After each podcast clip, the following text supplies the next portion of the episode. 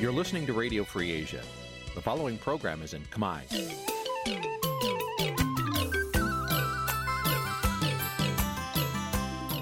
នេះជាកម្មវិធីផ្សាយ Vuthu Azizi Serai នេះជាកម្មវិធីផ្សាយរបស់ Vuthu Azizi Serai ជាភាសាខ្មែរ Vuthu Azizi Serai សូមស្វាគមន៍លោកអ្នកនាងទាំងអស់ពីរដ្ឋធានី Washington នៃសហរដ្ឋអាមេរិក។ ចាប់ពីរដ្ឋធានី Washington នាងខ្ញុំម៉ៅសុធានីសូមជម្រាបសួរលោកអ្នកស្ដាប់ទាំងអស់ជាទីមេត្រី ចាយើងខ្ញុំសូមជូនការផ្សាយសម្រាប់ប្រថ្ងៃសៅរ៍6រោចខែបឋមសាទឆ្នាំថោះបញ្ញស័កពុទ្ធសករាជ2567ហើយដល់ត្រូវនឹងថ្ងៃទី8ខែកក្កដាគ្រិស្តសករាជ2023ជាកិច្ចចាប់ផ្ដើមនេះនាងខ្ញុំសូមអញ្ជើញលោកអ្នកនាងកញ្ញាស្ដាប់ព័ត៌មានប្រចាំថ្ងៃដែលមានមេត្តាដូចតទៅ អ្នកកែមលេងនិយមនៅតែបន្តរំលឹកពីវីរភាពរបស់លោក តាមរយៈបទចម្រៀងនិងកំណាព្យអាញាធមមិនទាន់ដោះស្រាយមន្ទិលសង្ស័យចំណុចសំខាន់សំខាន់នៃឃាតកម្មបណ្ឌិតកែមលេងប្រពន្ធអ្នករិះគន់លោកហ៊ុនសែននៅតាម Facebook ទាមទារឲ្យតុលាការដោះលែងឲ្យនៅក្រៅឃុំស មាជិកក្រុមគ្រួសាររបស់សកម្មជនដីធ្លី កំពុងជាប់ឃុំនៅខេត្តកោះកុងប្រឈមនឹងបញ្ហាជីវភាព រួមនឹងព័ត៌មានសំខាន់សំខាន់មួយចំនួនទៀតជាជាបន្តទៅទៀតនេះនាងខ្ញុំម៉ៅសុធានីសូមជូនព័ត៌មានទាំងនោះពឺស្ដាប់ចាលោកនាងជាទីមេត្រីមន្ត្រីជាន់ខ្ពស់គណៈបកកណ្ដាលអំណាចអះអាងថាគណៈរដ្ឋមន្ត្រីថ្មីរបស់គណៈបកនេះ ដែលកើតក្រោយការបោះឆ្នោតថ្ងៃទី23ខែកក្កដាគឺមានការផ្លាស់ប្តូរសមាជិកមួយចំនួន ដោយជំនួសមកវិញនៅមន្ត្រីក្មេងៗអ្នកខ្លំមើលស្ថានភាពនយោបាយថាបើទោះបីគណៈបកប្រជាជនកម្ពុជាបដូរសមាជិកគណៈរដ្ឋមន្ត្រីថ្មីក៏ដោយក៏ប៉ុន្តែមនុស្សទាំងនោះក៏នៅតែជាកូនកូនរបស់មន្ត្រីចាស់ចាស់ដដែលចាលោកសេកបណ្ឌិតរីកាព័ត៌មាននេះអ្នកនាំពាក្យគណៈបកប្រជាជនកម្ពុជាលោកសុកអេសាន ឲ្យវិទ្យុអសីស្រីដឹងថាប្រសិនបើគណៈបកប្រជាជនកម្ពុជាឈ្នះឆ្នោតក្រោយថ្ងៃទី23កក្កដាដោយការគ្រោងទុកនោះគណៈរដ្ឋមន្ត្រីថ្មីរបស់គណៈបកប្រជាជនកម្ពុជានឹងកើតឡើងដោយមានឈាមថ្មីនឹងឡើងមកជំនួសតំណែងឈាមចាស់លោកសុកអេសានអះអាងទៀតថាមន្ត្រីវ័យក្មេងមកជំនួសមន្ត្រីចាស់ចាស់ទាំងនោះគឺស្ថិតនៅក្នុងការសម្រេចចិត្តរបស់លោកនាយករដ្ឋមន្ត្រីហ៊ុនសែនទោះយ៉ាងណា លោកសុកអេសាន មិនទាន់អាចបញ្ជាក់ថារដ្ឋមន្ត្រីរូបណាខ្លះនឹងត្រូវបានលោកហ៊ុនសែនដាក់ឲ្យចូលនិវត្តន៍ហើយរដ្ឋមន្ត្រីវ័យក្មេងណាខ្លះនឹងក្លាយជាសមាជិកគណៈរដ្ឋមន្ត្រីថ្មីនៅឡើយនោះទេអ្នកនាំពាក្យគណៈបកកណ្ដាលអំណាចរូបនេះក៏មិនទាន់អាចបញ្ជាក់ថាលោកហ៊ុនម៉ាណែតនឹងឡើងធ្វើជានាយករដ្ឋមន្ត្រីជំនួសឪពុករបស់ខ្លួន នៅពេលណានោះដែរ។ បើតំណាងនាយករដ្ឋមន្ត្រីប្រធានគណៈបកលោកមានប្រសាសន៍ថាជាសមាជិកថ្មីគឺថ្មីហើយគឺឈាមថ្មីមកបដូរឈាមចាស់អ្នកមុនដូច្នេះហើយលោកនៅសង្ស័យថាមានអ្នកចាស់អីទៀតតែអានឹងចាំមើលទាំងអស់គ្នាទៅអានឹងមិនយូរប្រហែលណានៅតែក្រោយការបោះឆ្នោតយ៉ាងយូរ60ថ្ងៃគឺថានឹងឃើញហើយឲ្យខ្ញុំថាមិនត្រូវពួកខ្ញុំមិនមែនអ្នកទាយណាលោកសុកអេសានអះអាងទៀតថាក្រោយពេលគណៈកម្មាធិការជ្រៀបចំការបោះឆ្នោតកោជប ប្រកាសលទ្ធផលបោះឆ្នោតជាផ្លូវការរួចហើយរដ្ឋសភានឹងចាប់ផ្ដើមបើកប្រជុំលើកដំបូងរបស់ខ្លួនមិនឲ្យលើសរយៈពេល60ថ្ងៃក្រោយការប្រកាសលទ្ធផលឆ្នោតនោះទេលោកបន្តទៀតថា នៅពេលរដ្ឋសភាជ្រើសតាំងប្រធាន អនុប្រធាន និងប្រធានគណៈកម្មការទាំង10រួចហើយគណៈបកដែលឈ្នះឆ្នោតនឹងបញ្ជូនឈ្មោះបេក្ខជននាយករដ្ឋមន្ត្រីទៅព្រះមហាក្សត្រហើយនៅពេលព្រះមហាក្សត្រ ទទួលស្គាល់អិសរាជជនរូបនេះជានាយករដ្ឋមន្ត្រីគណៈរដ្ឋមន្ត្រីថ្មី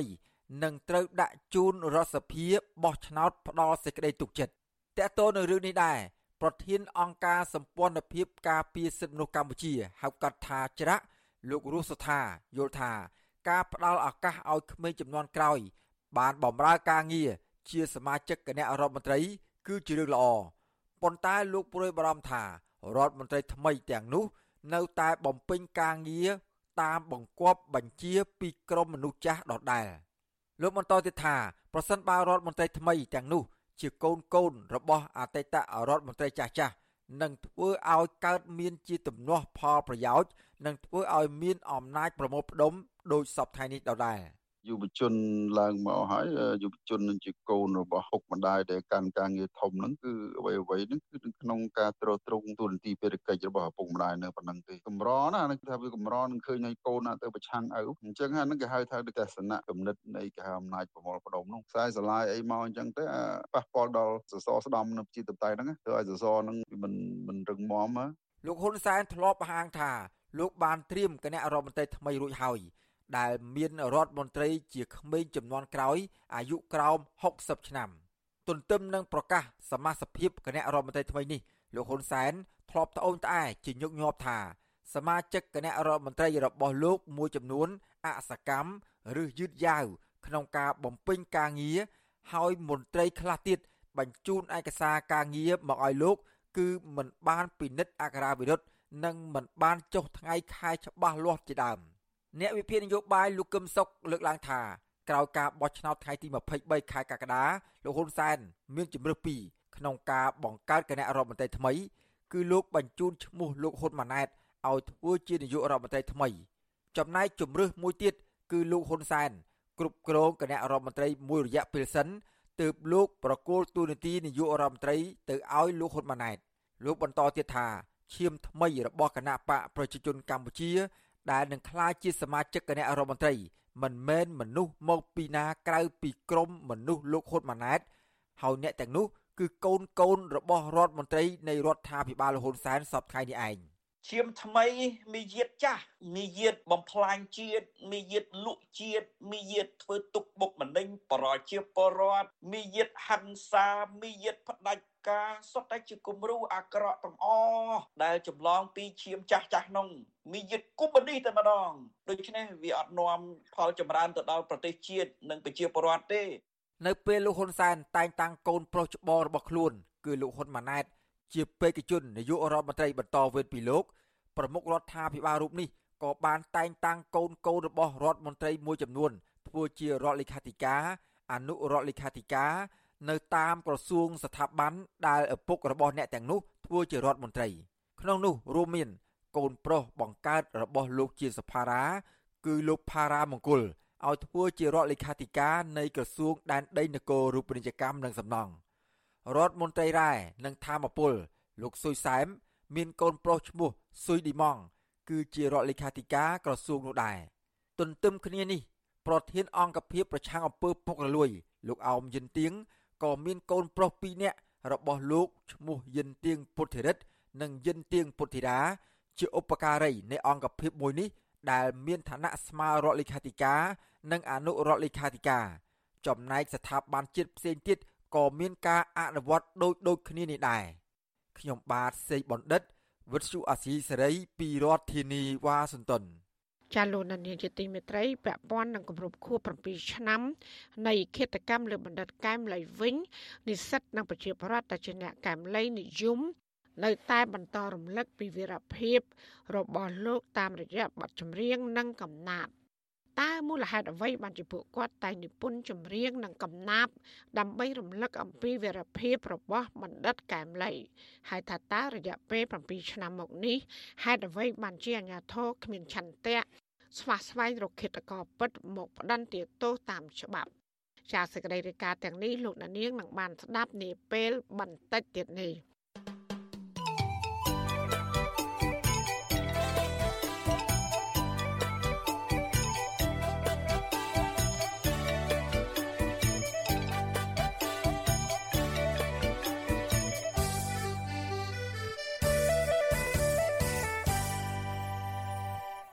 ចាលោកនាយកជាទីមេត្រីប្រពន្ធបរមម្នាក់ដែលរិះគន់របបដឹកនាំរបស់លោកហ៊ុនសែននៅលើ Facebook ស្នើដល់តុលាការខេត្តបន្ទាយមានជ័យទម្លាក់ចោលការចាប់ប្រកាន់ហើយនឹងដោះលែងឲ្យមានត្រីភិបឡើងវិញ ដើម្បីជួបជុំក្រុមគ្រួសារមន្ត្រីសិទ្ធិមនុស្សអំពីនីវដល់អាជ្ញាធរត្រូវតែបែងចែកឲ្យបានច្បាស់លាស់ថាអ្វីទៅជាសិទ្ធិបញ្ចេញមតិនិងអ្វីទៅជាបទល្មើស ដើម្បីជៀសវាងការយកក្រមប្រមត្តនទៅចោទនិងផ្ដន្ទាទោសមនុស្សដែលគ្មានទោសមិនបានត្រឹមត្រូវដែលធ្វើប៉ះពាល់ដល់សិទ្ធិរបស់ពលរដ្ឋចាលោកយ៉ងច័ន្ទរា មានសេចក្តីរាយការណ៍អំពីរឿងនេះគ្រួសាររបស់លោកកងសារ៉នដែលកំពុងតែជាប់ឃុំអះអាងថាលោកគឺជាមនុស្សល្អដែលចេះឈឺឆ្អាលបញ្ហាក្នុងសង្គមនិងទទួលបានការគោរពស្រឡាញ់ពីប្រជាពលរដ្ឋនៅក្នុងស្រុកភូមិថែមទៀតផងដូច្នេះពួកគេស្នើដល់តុលាការខេត្តបន្ទាយមានជ័យ ទម្លាក់ចោលការចោទប្រកាន់និងដោះលែងរូបគាត់ឲ្យមានសេរីភាពវិញខណៈគ្រួសារកំពុងមានជីវភាពក្រីក្រប្រពន្ធរបស់លោកកងសារ៉នគឺលោកស្រីហងត្រឹបប្រាប់វិទ្យុអាស៊ីសេរីនៅថ្ងៃទី7ខែកក្កដាថាប្តីរបស់លោកស្រីបានតាក់ទងតាមទូរស័ព្ទពីពន្ធនាគារប្រាប់កុំឲ្យគ្រួសារបារម្ភដោយសារគាត់មានសុវត្ថិភាព និងមានស្មារតីរឹងមាំជាធម្មតាក៏ប៉ុន្តែប្តីរបស់លោកស្រី ចាត់ទុកការដែលតុលាការយកករណីបញ្ចេញមតិនៅលើបណ្ដាញសង្គមមកចោទប្រកាន់ទៅលើរូបគាត់ថាជារឿងអយុត្តិធម៌និងជំរុញឲ្យលោកស្រីស្វែងរកអង្គការសិទ្ធិមនុស្សដើម្បីជួយផ្ដល់ប្រឹក្សាយោបល់ផ្នែកច្បាប់ដើម្បីទាមទាររោគយុត្តិធម៌តាមនីតិវិធីបន្តទៀតចាប់ ដាក់ដាក់ព្រួយព្រួយព្រួយទុកដាក់អត់មានអីទេវាក៏ជាក្លែងមុខខំនេះបើអើយស្រក់សាច់ដែរនេះតើប៉ុណ្ណាគេណៃនិយាយងងងចេះខ្លាចណាទៀតមានតក់ស្រុតទៅអីទេគេបង្ហោះស្រស់បើគេបង្ហោះគប់តែគ្នានោះក៏មិនមកចាំមកចាប់ឲ្យខ្ញុំកាលពីថ្ងៃទី2ខែកក្កដាអាជ្ញាធរខេត្តបន្ទាយមានជ័យចំនួនជិត10នាក់បានចាប់ខ្លួនលោកកងសារ៉នជាអ្នកលេង Facebook ម្នាក់ដែលតែងតែចេញមុខរិះគន់របបដឹកនាំរបស់លោកហ៊ុនសែន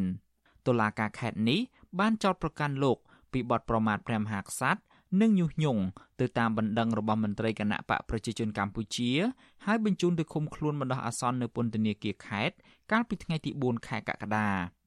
វីដេអូនៅលើគណនី Facebook ឈ្មោះត្រឹបហងដែលតុលាការយកមកចោទប្រកាន់នោះគឺលោកកងសារ៉នបង្ហោះវីដេអូរបស់ព្រះដេចប្រគុណងិនផេនគង់នៅវត្តពោធិវង្សនៅប្រទេសបារាំងដែលព្រះអង្គមានធរណីកាថាព្រះមហាក្សត្របច្ចុប្បន្ន មិនដែលយកព្រះតីទុកដាក់អំពីសុខទុក្ខរបស់រាជនិងគ្មានកេរ្តិ៍ឈ្មោះនៅក្នុងប្រវត្តិសាស្ត្រនោះទេរីឯវីដេអូមួយទៀតលោកនិយាយតាមការផ្សាយផ្ទាល់ Facebook ថាគណៈបកប្រជាជនកម្ពុជានឹងឈ្នះឆ្នោតដោយគ្មានវត្តមានគណៈបកប្រឆាំងក៏ប៉ុន្តែលោកផ្ដាំឲ្យអ្នកចូលរួមហែគណៈបកប្រជាជនកម្ពុជា ទៅសួរលោកហ៊ុនសែនថា នៅពេលឈ្នះតើឲ្យដេញយួនចេញឬទេ ឬក៏ឲ្យយួនមកចូលស្រុកបន្ថែម វីដេអូរបស់លោកកងសារ៉នបង្ហោះកន្លងមកនោះត្រូវបានអ្នកលេង Facebook ចាប់អារម្មណ៍និងចែករំលែកនៅលើបណ្ដាញសង្គមនេះរាប់ម៉ឺនដងជុំវិញរឿងនេះអ្នកនាំពាក្យនឹងជាព្រះរាជអាជ្ញារងអមតុលាការខេត្តបន្ទាយមានជ័យលោកសំរិទ្ធសុខុនប្រាប់ថា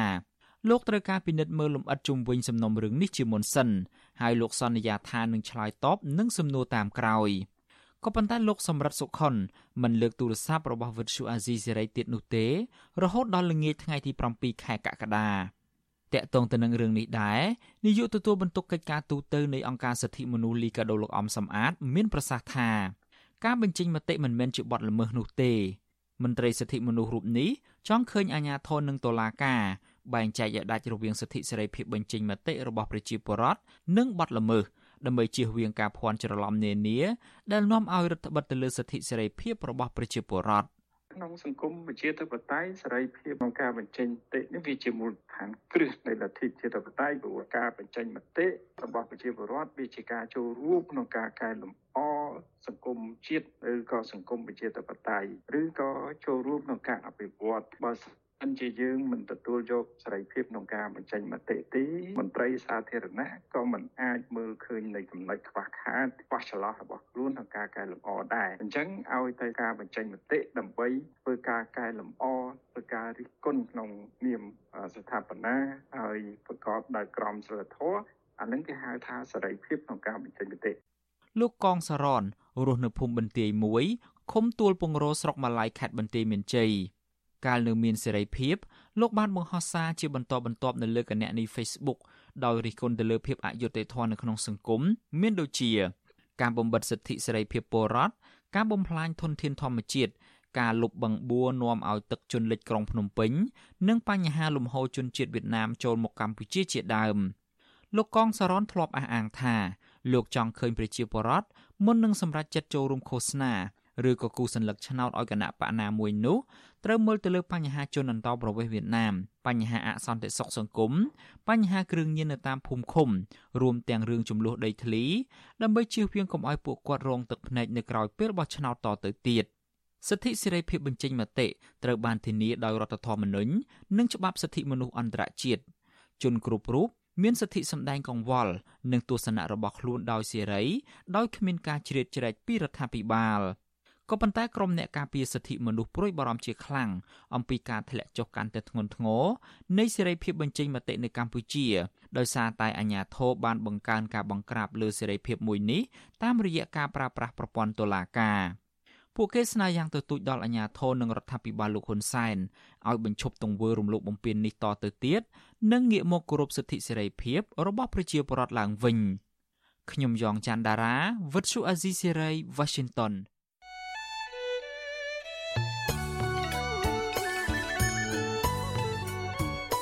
លោកដានីជាទីមេត្រីដំណើរគ្នានឹងស្ដាប់ការផ្សាយរបស់វិទ្យុអសីស្រីតាមបណ្ដាញសង្គម Facebook និង YouTube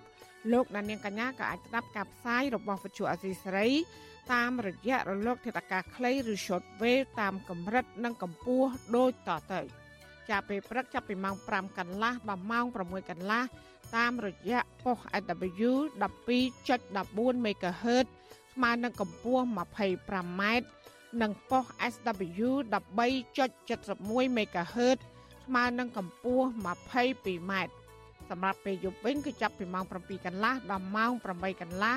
តាមរយៈប៉ុស SW 9.33 MHz ស្មើនឹងកម្ពស់ 32m ប៉ុស SW 11.88 MHz ស្មើនឹងកម្ពស់ 25m និងប៉ុស SW 12.14 MHz ស្មើនឹងកម្ពស់ 25m ចាសសូមអរគុណ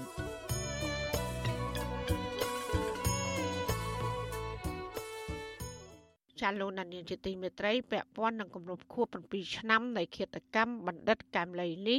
និស្សិតនិងប្រជាពលរដ្ឋដែលជាអ្នកកែមលីនិយមនៅតែបន្តរំលឹកពីវីរភាពរបស់លោក តាមរយៈបទចម្រៀងនិងកំណាព្យ អត្តន័យចម្រៀងនិងកំណាព្យទាំងនោះភាកច្រើន គឺផ្ដើមចេញពីទ្រឹស្ដីទស្សនៈនិងបទវិភាគរបស់លោកកាលពីលោកនៅមានជីវិតតើមូលហេតុអ្វីបានជាពួកគាត់សម្រេចយកវិធីសាស្ត្រតែងនិពន្ធចម្រៀងនិងកំណាព្យដើម្បីផ្សព្វផ្សាយរំលឹកអំពីវីរភាពរបស់បណ្ឌិតកែមលីក្នុងខួបដែលគិតកោបាញ់សម្លាប់យ៉ាងដូចនេះចាសសូមស្ដាប់សេចក្តីកັບពិស្ដាររបស់លោកសេកបណ្ឌិតដូចតទៅ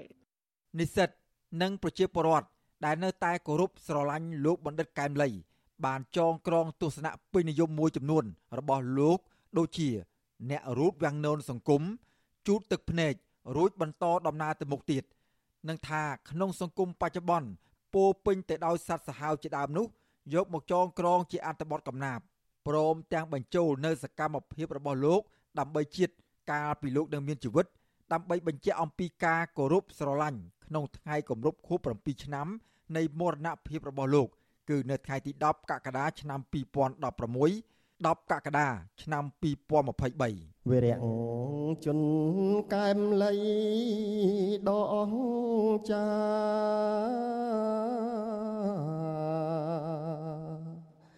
ខ្មែរគ្រប់អង្គាគួចងចាំ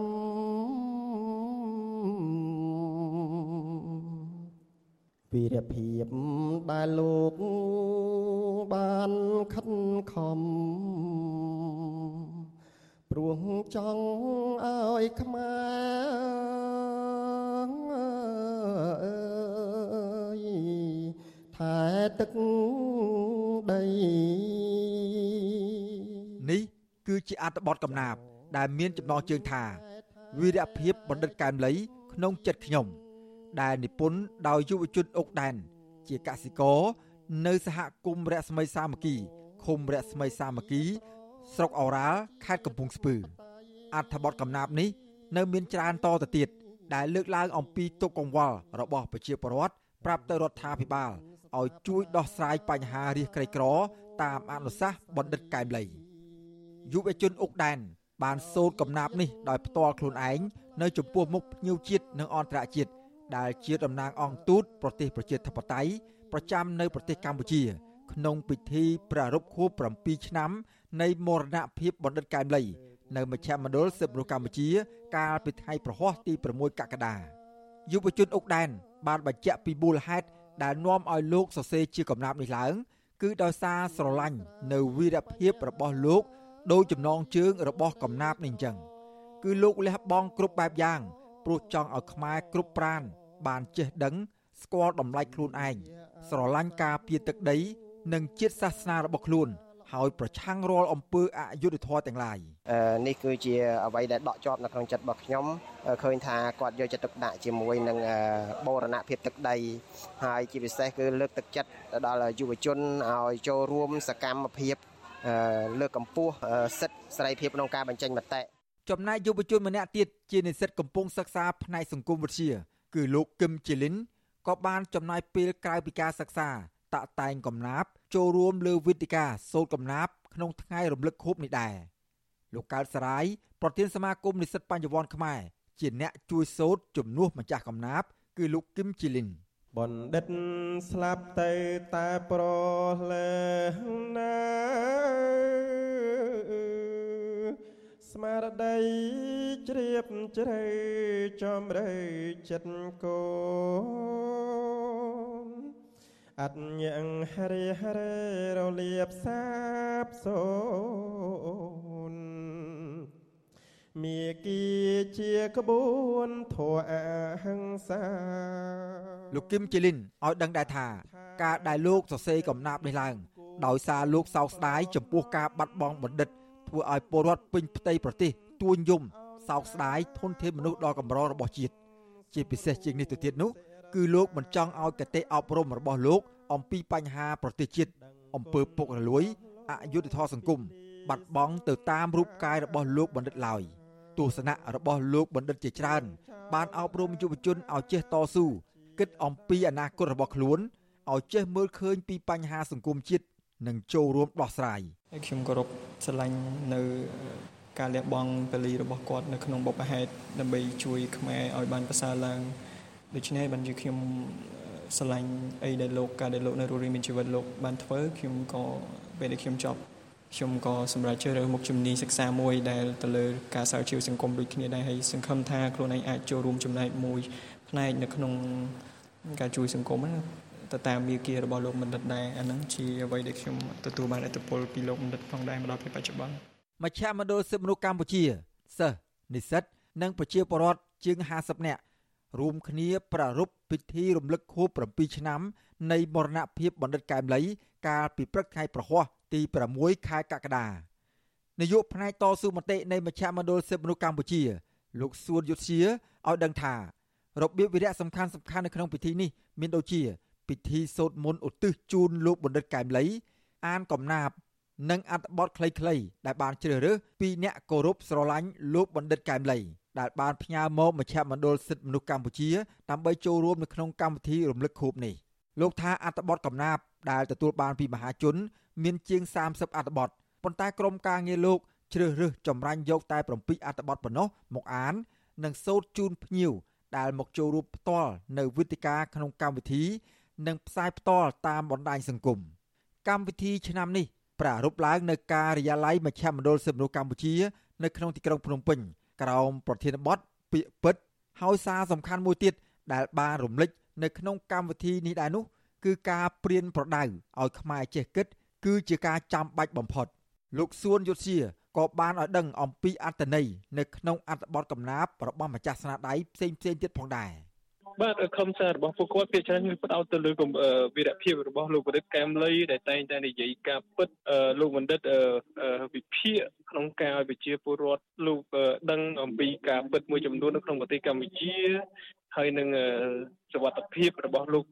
បណ្ឌិតកែមលីដែលលោកមានភាពក្លាហានយកជីវិតលោកទៅបដូរដើម្បីឲ្យប្រជាពលរដ្ឋខ្មែរលោកបានដឹងនៅព័ត៌មានមួយចំនួនធំបាទតកតោនឹងរឿងនេះដែរ សាស្ត្រាចារ្យផ្នែកធុរកិច្ចនិងជាម្ចាស់ប្លុកមួយដែលចូលរួមលើកស្ទួយអំពីសិលធម៌សង្គមនិងសិល្បៈតែងកំណាព្យមើលឃើញថា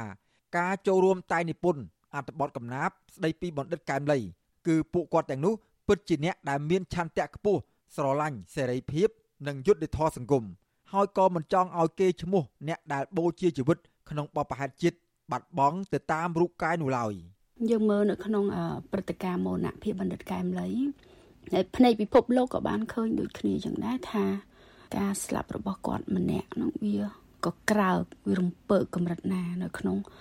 សុទ្ធ័ពនៃមហាជនដែលជាអ្នកស្រឡាញ់សេរីភាពនិងយុត្តិធម៌អញ្ចឹងវាច្បាស់ថាអ្នកដែលពុះកជ្រោលចង់តែងកណាបឬចម្រៀងស្ដីពីវីរភាពរបស់បណ្ឌិតកែមលីវាមិនអាចមនុស្សប្រមឹកស្អាប៉ោឡែ វាមិនតែអាចពួកពុកអលួយនៅក្នុងសង្គមនឹងទេដែលទៅទៅសេកើតគឺវាច្បាស់ជាអ្នកដែលចូលចិត្តសិក្សារៀនសូត្រនិងអ្នកដែលស្ថិតនៅឆ្ងាយពីក្រុមអ្នកជិះជាន់និយមហ្នឹងឯងសាស្ត្រាចារ្យរូបនេះមើលឃើញទៀតថា ការចូលរួមរបស់ពួកគាត់និងអ្នកពាក់ព័ន្ធដទៃទៀតនេះហើយដែលធ្វើឲ្យគេឈ្មោះ និងវីរភាពរបស់បណ្ឌិតកែមលីមិនអាចសាបសូន្យបាន រហូតមកដល់ពេលបច្ចុប្បន្ននេះ ក្រោយព្រឹត្តិការណ៍បាញ់សម្លាប់បណ្ឌិតកែមលីរួចនៅក្នុងប្រទេសជាតិយើងទាំងមូលឬក៏ថាគ្មានការផ្សព្វផ្សាយមិនបាច់ទៅដល់តែ7ឆ្នាំទេ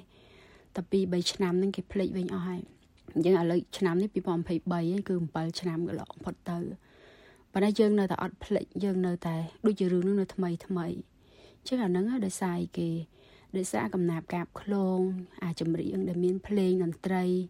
មានសម្លេងអ្នកច្រៀងព្រោះ ក៏អួនកៅអៅអីហ្នឹងអមដូចជាមួយគ្នាហ្នឹងឯងវាធ្វើឲ្យមនុស្សយើងនៅតែអាចផ្សារភ្ជាប់ទៅនឹងអាព្រឹត្តិការណ៍ហ្នឹងបានដដែលចំណែកអ្នកនិពន្ធអាជីពមួយរូបទៀតគឺលោកសុយលូតក៏មើលឃើញដែរថា វិស័យសិល្បៈតៃនិពន្ធមានកំណាព្យនិងបទចម្រៀងជាដើមនេះពិតជាសំខាន់ណាស់ដែលធ្វើឲ្យគ្រប់គ្នាងាយនឹងចងចាំនៅព្រឹត្តិការណ៍អ្វីមួយសម្រាប់ជាតិមាតុភូមិព្រមទាំងបានបញ្ជ្រាបនៅ ខ្លឹមសារអប់រំយ៉ាងមានប្រសិទ្ធភាព វាប្រកាសជាមានតម្លៃខាងសិលធម៌ព្រោះដោយសារគាត់ជំនឿមួយដែលគេទទួលស្គាល់ថាមានសិលធម៌ហ្នឹងហើយបានជាគេរកស្រឡាញ់គាត់ហើយគេសេថាដៃមិនរំលឹកពីគុណគាត់ហ្នឹងរយៈពេល7ឆ្នាំមកហើយដែលឃាតករបាញ់សម្លាប់បណ្ឌិតកែមលីប៉ុន្តែពលរដ្ឋខ្មែរជាច្រើន នៅតែនឹកនៅតែស្រឡាញ់នៅតែរំលឹកពីវីរភាពរបស់លោក ក្នុងនោះក៏មានសិល្បករអាជីពមួយរូបដែរដែលគោរពស្រឡាញ់និងនឹករលឹកដល់បណ្ឌិតកែមលី តែងតែផលិតបទចម្រៀងផ្ញើមកឲ្យវិទ្យុអស៊ីសេរីដើម្បីចាក់ផ្សាយរំលឹកខួបនៃមរណភាពរបស់លោកបណ្ឌិត ក្នុងនោះ មានបទវិចារបុត្រាបណ្ឌិតកែមលីបទកែមលីនៅក្នុងបេះដូងបទបានសុកនៅតែរលឹក និងបទសូមកើតជាខ្មែររហូតជាដើមជាកាយកុំអោយរបសូមកើតជាខ្មែររហូត តកើតលេខ្ញុំបាទសេកបណ្ឌិតវុទ្ធុអាស៊ីសេរីពីរដ្ឋធានីវ៉ាស៊ីនតោនចាលោកនានីជាទីមេត្រីតកតងនឹងពិធីរំលឹកខួប7ឆ្នាំនៃគិតកម្មបណ្ឌិតកែមលីនេះដែរសាច់ញាតិហើយនឹងក្រុមគ្រួសារព្រមទាំងអ្នកគោរពស្រឡាញ់បណ្ឌិត នៅតែជំរុញរដ្ឋាភិបាលស៊ើបអង្កេតករណីនេះ ដើម្បីដោះស្រាយចំណុចបន្ទើសង្ស័យសំខាន់សំខាន់ដែលពួកគាត់ជឿថាគ្មានការស៊ើបអង្កេតឲ្យបានគ្រប់គ្រាន់នាពេលកន្លងមកប៉ុន្តែអ្នកនាំពាក្យរដ្ឋាភិបាលថាសំណុំរឿងនេះគឺស្ថិតក្នុងដៃតុលាការដូច្នេះរដ្ឋាភិបាលមិនអាចលូកដៃបានឡើយចាលោកថាថៃមានសេចក្តីរាយការណ៍ពិស្ដារជំវិញរឿងរ៉ាវនេះដូចតទៅអង្គើគិតកម្មដល់ព្រៃផ្សៃលើបណ្ឌិតកែមលីមានរយៈពេល7ឆ្នាំហើយប៉ុន្តែរហូតមកទល់ពេលនេះ រដ្ឋាភិបាលកម្ពុជានៅតែខកខានស្វែងរកយុត្តិធម៌ជូនបណ្ឌិតកែមលីនិងក្រុមគ្រួសាររបស់គាត់ដូច្នេះហើយទើបសម្រេចទាមទាររកយុត្តិធម៌ជូនបណ្ឌិតកែមលីពីសំណាក់ក្រុមគ្រួសារសាច់ញាតិយុវជនក្រុមសង្គមស៊ីវិលអ្នកនយោបាយនិងប្រជាពលរដ្ឋមួយចំនួនតែងចាប់ផ្ដើមកក្រោកឡើងវិញឲ្យទៅជិតដល់ថ្ងៃខួបនៃការបាញ់សម្លាប់រូបលោកនៅថ្ងៃទី10ខែកក្កដាពួកគាត់ចាត់ទុកថាការស៊ើបអង្កេតកន្លងមក មិនទាន់គ្រប់គ្រាន់និងមិនទាន់វេកមុខរកអ្នកនៅពីក្រោយអំពើបាញ់ប្រហារវីរៈបរោះរបស់ពួកគាត់ទេ បងស្រីបង្កើតរបស់លោកបណ្ឌិតកែមលីគឺលោកស្រីកែមថាវីរៀបរាប់ថា រយៈពេល7ឆ្នាំមកនេះក្រុមគ្រួសាររបស់លោកស្រីមិនទាន់ទទួលបានយុត្តិធម៌ពេញលេញនោះទេគណៈអាជ្ញាធររក្សាភាពស្ងៀមស្ងាត់មិនដែលសាកសួរឬផ្ដល់ដំណឹងពីការវិវត្តនៃសំណុំរឿងនេះឡើយលោកស្រីបន្តថាលោកស្រីមិនដែលរំសាយការឈឺចាប់និងការនឹករលឹកដល់ប្អូនប្រុសម្ដងណាឡើយ អាឡោះអាឡៃយើងមានតំណោមានការឈឺចាប់មិនតាន់មានយុទ្ធធម៌ហើយយើងនៅតែចងចាំរហូតទៅតែប្រជាពលរដ្ឋទូទៅដែរអូនមិនភ្លេចទេអញ្ចឹងបានយើងធ្វើប៉ុនមិនដែលខានទេទោះបីមានលុយតិចក្តីច្រើនក្តីគឺយើងធ្វើរំលឹករាល់ឆ្នាំរយៈពេល7ឆ្នាំមកនេះរដ្ឋាភិបាលលោកហ៊ុនសែនមិនត្រឹមតែមិនបាននាំយកគិតកោពិតនិងអ្នកពាក់ព័ន្ធក្នុងអំពើគិតកម្មលើបណ្ឌិតកែមលីមកផ្ដន់ទោសតាមច្បាប់ប៉ុណ្ណោះទេ តែអាជ្ញាធររដ្ឋាភិបាលលោកហ៊ុនសែនថែមទាំងរៀបរៀងនឹងរំខានដល់ពិធីបុណ្យរំលឹកខួបបណ្ឌិតកែមលីជារៀងរាល់ឆ្នាំលើពីនេះរដ្ឋាភិបាលលោកហ៊ុនសែនក៏ប្រើប្រាស់ប្រព័ន្ធតុលាការចោតប្រកាន់និងចាប់អ្នកណាដែលហ៊ានបញ្ចេញមតិទាមទារយុត្តិធម៌និងអ្នកគ្រប់គ្រងទស្សនៈបណ្ឌិតកែមលីឬអ្នកណាដែលចោទថារដ្ឋអំណាចលោកហ៊ុនសែននៅពីក្រោយឃាតកម្មនេះទោះជាយ៉ាងណានៅមុនខួប7ឆ្នាំដែលធ្វើឡើងនៅគៀកថ្ងៃបោះឆ្នោតជាតិនេះ លោកហ៊ុនសែនដែលរបបគ្រប់គ្រងរបស់លោកត្រូវបានគេដាក់ការសង្ស័យថាជាអ្នកនៅពីក្រោយឧក្រិដ្ឋកម្មដោយសារតែមិនបានបង្ហាញឆន្ទៈមោះមុតក្នុងការស្វែងរកអ្នកនៅពីក្រោយអំពើឃាតកម្មនោះបានដើរតួនាទីជាអ្នកចិត្តធัวដោយប្រកាសថាលោកជាអ្នកផ្ដល់លុយឲ្យប្អូនប្រុសបណ្ឌិតកែមលីសម្រាប់សាងសង់បង្ហើយចេតិយបណ្ឌិតកែមលីនិងធ្វើបន់ខូបនៅឆ្នាំនេះក្រៅពីនេះលោកហ៊ុនសែនក៏អ៊ូតអាងថាប្អូនប្រុសបណ្ឌិតកែមលី និងយុវជនមួយចំនួនដែលគោរពស្រឡាញ់បណ្ឌិតកែមលីបានចោះចូលជាមួយបកកណ្ដាលអំណាចដែរក៏ប៉ុន្តែក្នុងចំណោមយុវជនដែលចោះចូលមួយចំនួនបានទម្លាយប្រាប់វិទ្យុអាស៊ីសេរីថាលោកហ៊ុនសែនបានប្រើប្រាស់ទឹកលុយដ៏ច្រើនទិញពួកគេឲ្យនៅឈរខាងលោកដើម្បីបំផ្លាញគេឈ្មោះនិងវីរភាពបណ្ឌិតកែមលីព្រមទាំងបញ្ជាឲ្យធ្វើសកម្មភាពវាយប្រហារយុវជនកែមលីនិយមដូចគ្នាគណៈបកប្រឆាំងនិងក្រុមអង្គការសង្គមស៊ីវិលដែលធ្លាប់ជួយពួកគេលើសពីនេះ កាលពីថ្ងៃទី10ខែមិថុនាលោកហ៊ុនសែនមិនត្រឹមតែមិនអាចរកយុត្តិធម៌ជូនបណ្ឌិតកែមលីបានទេប៉ុន្តែលោកបែរជានិយាយទម្លាក់កំហុសទៅលើក្រុមអ្នកនយោបាយបកប្រឆាំងទៅវិញ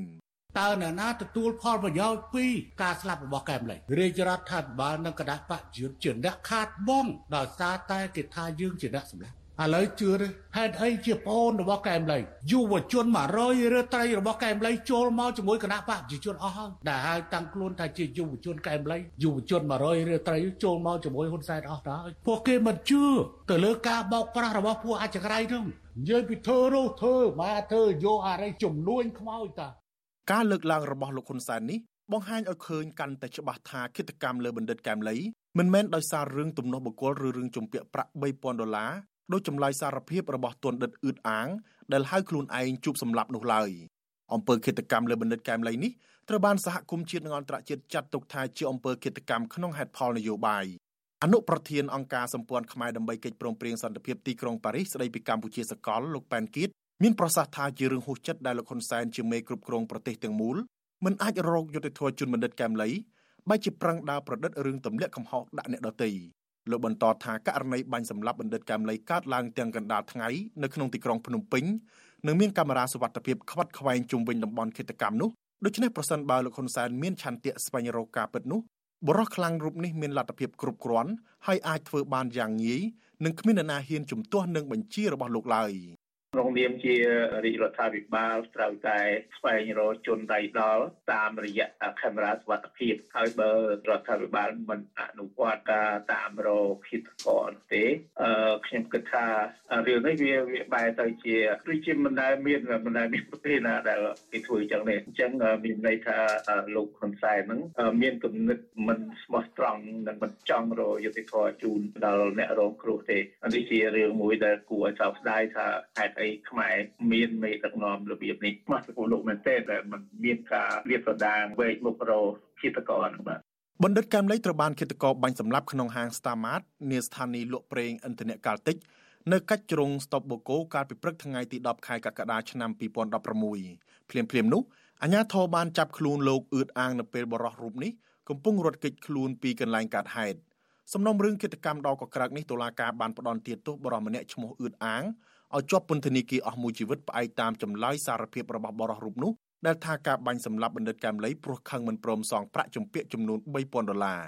ប៉ុន្តែក្រុមគ្រួសារលោកកែមលីនិងសូម្បីតែក្រុមគ្រួសាររបស់លោកអឿតអាងផ្ទាល់មិនជឿថាជាការពិតនោះទេព្រោះលោកអឿតអាងគឺជាមនុស្សក្រីក្ររស់នៅតំបន់ដាច់ស្រយាលក្នុងខេត្តសៀមរាបមិនដែលស្គាល់គ្នានិងគ្មានលុយឯណាឲ្យបណ្ឌិតកែមលីខ្ចីនោះទេ ក្រុមអង្គការជាតិនិងអន្តរជាតិមើលឃើញថាតុលាការកម្ពុជាដែលស្ថិតនៅក្រោមឥទ្ធិពលរបស់លោកហ៊ុនសែនបានព្យាយាមផ្ដន់ទាទោសជនសង្ស័យឲ្យបានឆាប់រហ័សជាជាងការស៊ើបអង្កេតឲ្យបានស៊ីជម្រៅលើករណីមន្ទិលសង្ស័យសំខាន់សំខាន់និងចម្លើយសារភាពមិនពិតប្រាកដជាច្រើនរបស់ជនជាប់ចោតទំនងជាដើម្បីបញ្ជាការរិះគន់តុលាការក្រុងភ្នំពេញបានបំបីសំណុំរឿងនេះមួយទៀតដើម្បីស៊ើបអង្កេតរោគអ្នកពាក់ព័ន្ធយកមកកាត់ទោសក៏ប៉ុន្តែតុលាការមិនបានផ្ដល់ព័ត៌មានអ្វីឡើយរហូតមកទល់ពេលនេះ តំណាងរាស្ត្រអូស្ត្រាលីដើមកំណត់ខ្មែរលោកតាក់មីងហៀងថ្លែងថារដ្ឋាភិបាលកម្ពុជាមិនទាន់បានផ្ដល់យុត្តិធម៌ដល់បណ្ឌិតកែមលីនិងគ្រួសាររបស់គាត់នោះទេដូច្នេះហើយទើបគ្រួសារលោកនិងសហគមន៍ខ្មែរនៅអូស្ត្រាលីបន្តប្រារព្ធខួប7ឆ្នាំនៃអំពើឃាតកម្មនេះដើម្បីរំលឹកវីរភាពនិងការទាមទារយុត្តិធម៌អតីតមេធាវីរូបនេះបន្តថារដ្ឋាភិបាលលោកហ៊ុនសែនត្រូវបំពេញកាតព្វកិច្ចដោយយកចិត្តទុកដាក់ស្វែងរកការពិតនៃគិតកម្មលើបណ្ឌិតកែមលីជាជាងដើរនិយាយផ្ដេសផ្ដាស់និងមិនសមហេតុផល ដូច្នេះហើយមេដឹកនាំនៃប្រទេសមួយត្រូវតែបន្តនៅក្នុងការយកចិត្តទុកដាក់វេកមុខឲ្យបានច្បាស់នៅអ្នកដែលនៅពីក្រោយការបាញ់សម្រាប់នោះហើយយើងដឹងច្បាស់ថាជួបសម្រាប់គឺជាគិតកោសបនិមិត្តពីព្រោះថាផោះតាងជាច្រើនគឺមិនសមចំគ្នាដោយដែលបងប្អូនខ្មែរយើងបានចាំយ៉ាងច្បាស់នៅផោះតាងជាច្រើនហើយដែលនៅក្នុងដៃតឡាការនោះវាពិតប្រកបហើយមនភាពរបស់គាត់ អ្នកដែលចំណេញពិតប្រកបគឺឃាតករនៅពីក្រោយការបាញ់សម្រាប់នោះហើយនឹងជនអ ுக ្រិតផ្សេងផ្សេងទៀតដែល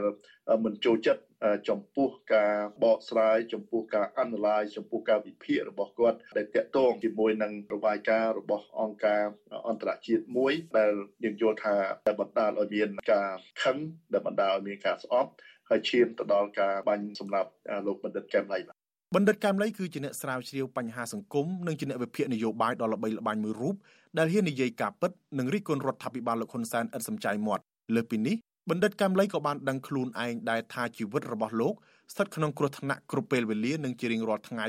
ហើយលោកក៏ដឹងដែរថាអ្នកដែលបង្កើតគ្រោះថ្នាក់ដល់ជីវិតរបស់លោកគឺគ្មានអ្នកណាក្រៅពីក្រុមអ្នកកាន់អំណាចសពថ្ងៃនេះឡើយពេលដែលខ្ញុំវិភាគម្ដងម្ដងខ្ញុំមិនដែលគិតថាខ្លួនខ្ញុំនឹងមានជីវិតទេអំពើបាញ់សម្លាប់បណ្ឌិតកែមលីនេះ គឺបានកើតឡើងក្រោយពេលដែលលោកបានផ្ដល់ការអត្ថាធិប្បាយដល់បណ្ដាញសារព័ត៌មានអំពីការកាន់កាប់ទ្រព្យសម្បត្តិដ៏ច្រើនសន្ធឹកសន្ធាប់របស់ក្រុមគ្រួសារលោកនាយករដ្ឋមន្ត្រីហ៊ុនសែនដែលបានលាតត្រដាងនៅក្នុងរបាយការណ៍អង្គការឃ្លាំមើលពិភពលោក Global Witness ជាអតីតកម្មាភិបាលខ្មែរក្រហមនឹងឡើងកាន់អំណាចដោយការធ្វើរដ្ឋប្រហារបង្ហូរឈាមព្រមទាំងការពីអំណាចដោយប្រើប្រាស់មធ្យោបាយហិង្សាការគៀបសង្កត់និងអំពើពុករលួយលោកហ៊ុនសែនប្រកាសជារឿយៗថាលោកមិនចូលចិត្តការរិះគន់គ្រូសាលោកនោះទេ ហើយថែមទាំងបញ្ជាក់ថាបើអ្នកណាមិនអោយគ្រូសាលោកបានសុខលោកក៏មិនអោយអ្នកនោះបានសុខដែរប្រធានស្ដីទីគណៈបកសង្គ្រោះជាតិលោកសំរងស៊ីដែលត្រូវបានលោកហ៊ុនសែនប៉ុនប៉ងផ្ដាច់ជីវិតជាច្រើនលើកបានថ្លែងចោទប្រកាន់ត្រង់ត្រង់ជាថ្មីទៀតក្នុងពេលលោកបំពេញទស្សនកិច្ចនៅប្រទេសអូស្ត្រាលីកាលពីខែឧសភាថាលោកហ៊ុនសែននិងរដ្ឋាភិបាលរបស់លោកគឺជាអ្នកនៅពីក្រោយខ្នងនៃការបាញ់សម្លាប់បណ្ឌិតកែមលីលោកបន្តថាមានតែរដ្ឋអំណាចទេដែលមានមធ្យោបាយធ្វើអំពើឃាតកម្មហើយអាចលាក់បាំងបាន តែលេងគាត់ជាបញ្ញវន្តគង់ពោះរៀនសូត្រពីប្រទេសអាល្លឺម៉ង់អឺរ៉ុបដឹងរឿងបញ្ហាសង្គមចេះធ្វើវិភាគបញ្យលប្រជាពលរដ្ឋបញ្យលប្រើពាក្យសាមញ្ញឲ្យប្រជាពលរដ្ឋបញ្យលឲ្យស្រឡាញ់យុទ្ធធម៌ស្រឡាញ់សេរីភាពស្អប់ធ្វើមកធ្វើពុករលួយរៀបចំប្រទេសឡើងវិញឲ្យមានលទ្ធិប្រជាធិបតេយ្យដូចយើងចង់បានយើងខ្លាំងអូបន្ទុកកែមលេងកែមលេងនឹងបំផុសបំផុលកម្លាំងប្រជាពលរដ្ឋសម្រាប់កែមលេងមួយទៀត អញ្ចឹងអ្វីអ្នកនិយាយសម្រាប់មិនមែនចៃដន្យទេមិនមែនសម្រាប់ទៅពីទៅពីនឹកឃើញណាទៅសម្រាប់អត់ទេនៅពេលបណ្ឌិតកែមលីត្រូវបានខ្មាន់កំភ្លើងបាញ់សម្លាប់នោះបានធ្វើឲ្យប្រជាពលរដ្ឋកម្ពុជានៅគ្រប់ទីកន្លែងទួញសោកស្ដាយហាក់បាត់បង់មហាកុលបុត្រម្នាក់មនុស្សរាប់ម៉ឺននាក់បានចូលរួមបន្សពនឹងគ្រប់វិញ្ញាណក្ខន្ធរបស់លោកនឹងតែងតែធ្វើបន់ឧទ្ទិសកុសលព្រមទាំងទាមទារយុត្តិធម៌ជារៀងរាល់បន់ខូបម្ដងម្ដងកន្លងមកភរិយារបស់បណ្ឌិតកែមលីគឺអ្នកស្រីប៊ូរចនា ក៏បានចោទប្រកាន់ត្រង់ត្រង់ថាគ្រូសាររបស់លោកហ៊ុនសែននិងរបបលោកហ៊ុនសែនគឺជាអ្នករៀបចំជាប្រព័ន្ធក្នុងការសម្លាប់ស្វាមីលោកស្រីដូច្នេះហើយទើបអ្នកផ្ដួចផ្ដើមគំនិតនិងអ្នកផ្ដាំមធ្យោបាយនិងជនដៃដល់ពិតប្រកបបន្តរស់នៅក្រៅសំណាញ់ច្បាប់ក្រុមអង្គការជាតិនិងអន្តរជាតិធ្លាប់បង្ហាញថាអាញាធរនិងតុលាការកម្ពុជាព្យាយាមលាក់បាំងព័ត៌មាននិងមិនបានដោះស្រាយចំណុចសង្ស័យសំខាន់សំខាន់ជាច្រើនរួមមានការភូតកុហករបស់ជនជាប់ចោតឈ្មោះអ៊ឺតអាងរឿងចម្ពាក់លុយ តុលាការមិនបានស៊ើបអង្កេតរោគអ្នកលក់កំភ្លើងនិងមន្ត្រីយោធាមន្ត្រីប៉ូលីសដែលមានទំនាក់ទំនងជាមួយលោកអ៊ឺតអាងរឿងសំខាន់មួយទៀតអាជ្ញាធរលាក់បាំងវីដេអូកាមេរ៉ាដែលជាវត្ថុតាំងដ៏សំខាន់ក្នុងពេលជំនុំជម្រះក្តីតុលាការបង្ហាញតែរូបភាពវីដេអូដែលយកចេញពីកាមេរ៉ាសវត្ថិភាពមួយគ្រឿងប៉ុណ្ណោះក្នុងចំណោមកាមេរ៉ាសវត្ថិភាពជាច្រើននៅស្ថានីយ៍ប្រេងឥន្ធនៈដែលបានចាប់យកព្រឹត្តិការណ៍នេះក្រៅពីនេះតុលាការមិនបានកំណត់អត្តសញ្ញាណបរិសម្នាក់ដែលបានអង្គុយជាមួយបណ្ឌិតកែមលីនៅពេលមានការបាញ់ប្រហារ តុលាការក៏មិនបានកំណត់អត្តសញ្ញាណបុគ្គលដែលអ៊ឺតអាងបានអះអាងថាបានប្រើប្រាស់កំភ្លើងបាញ់ទៅលើរូបលោកនិងបុគ្គលប្រដាប់ដោយអាវុធផ្សេងទៀតជិះម៉ូតូនិងរត់ដេញតាមលោកខណៈលោកបានរត់គេចពីកន្លែងឧក្រិដ្ឋកម្មរាប់ចាប់តាំងពីទីតាំងបាញ់សម្លាប់បណ្ឌិតកែមលីនិងដងផ្លូវដែលជនល្មើសរត់គេចខ្លួនសុទ្ធតែមានហាងទំនើបនិងផ្ទះវីឡាដែលបំពាក់ដោយកាមេរ៉ាសុវត្ថិភាពខ្វាត់ខ្វែងដូច្នេះប្រសិនបរដ្ឋាភិបាលលោកហ៊ុនសែនចង់ស៊ើបអង្កេតស្វែងរកការពិតគ្មានអ្វីដែលពិបាកឡើយទាក់ទងនឹងរឿងនេះ វិទ្យុអស៊ីសេរីមិនអាចតាក់ទងសុំការឆ្លើយតបពីអនុប្រធានសាលាដំបងរាជធានីភ្នំពេញនិងជាចៅក្រមស៊ើបសួរក្នុងសំណុំរឿងគិតកម្មលោកបណ្ឌិតកែមលីគឺលោកសេងលៀងនិងអ្នកនាំពាក្យក្រសួងយុតិធម៌លោកចិនម៉ាលីនព្រមទាំងអ្នកនាំពាក្យអគ្គស្នងការដ្ឋាននគរបាលជាតិគឺលោកឆៃកំខឿនបានទេដោយទូរស័ព្ទចូលពុំមានអ្នកទទួលចំណែកប្រធានអង្គភិបអ្នកនាំពាក្យរដ្ឋាភិបាលលោកផៃស៊ីផានវិញលោកឆ្លើយតបថាសំណុំរឿងបណ្ឌិតកែមលីនៅតែបើកចំហ ដូច្នេះប្រសិនបើគ្រួសារនិងអ្នកគោរពស្រឡាញ់លោកចង់ស្វែងរកយុត្តិធម៌នោះអាចពឹងពាក្យមេធាវីដើម្បីដោះស្រាយតាមផ្លូវច្បាប់ជាមួយតុលាការលោកបន្តថាភាគីរដ្ឋាភិបាលមិនអាចធ្វើអ្វីលើសពីនេះបានទេរួមទាំងកាមេរ៉ាសវត្ថិភាពព្រោះសំណុំរឿងនេះស្ថិតនៅក្នុងដៃតុលាការខ្ញុំចង់និយាយអញ្ចឹងថារដ្ឋាភិបាលមិនមែនភាគីនៅក្នុងយន្តការនៃដំណើរការយុតិធម៌នេះទេតុលាការគឺយន្តការអ្នកចូលរួមគឺមេធាវី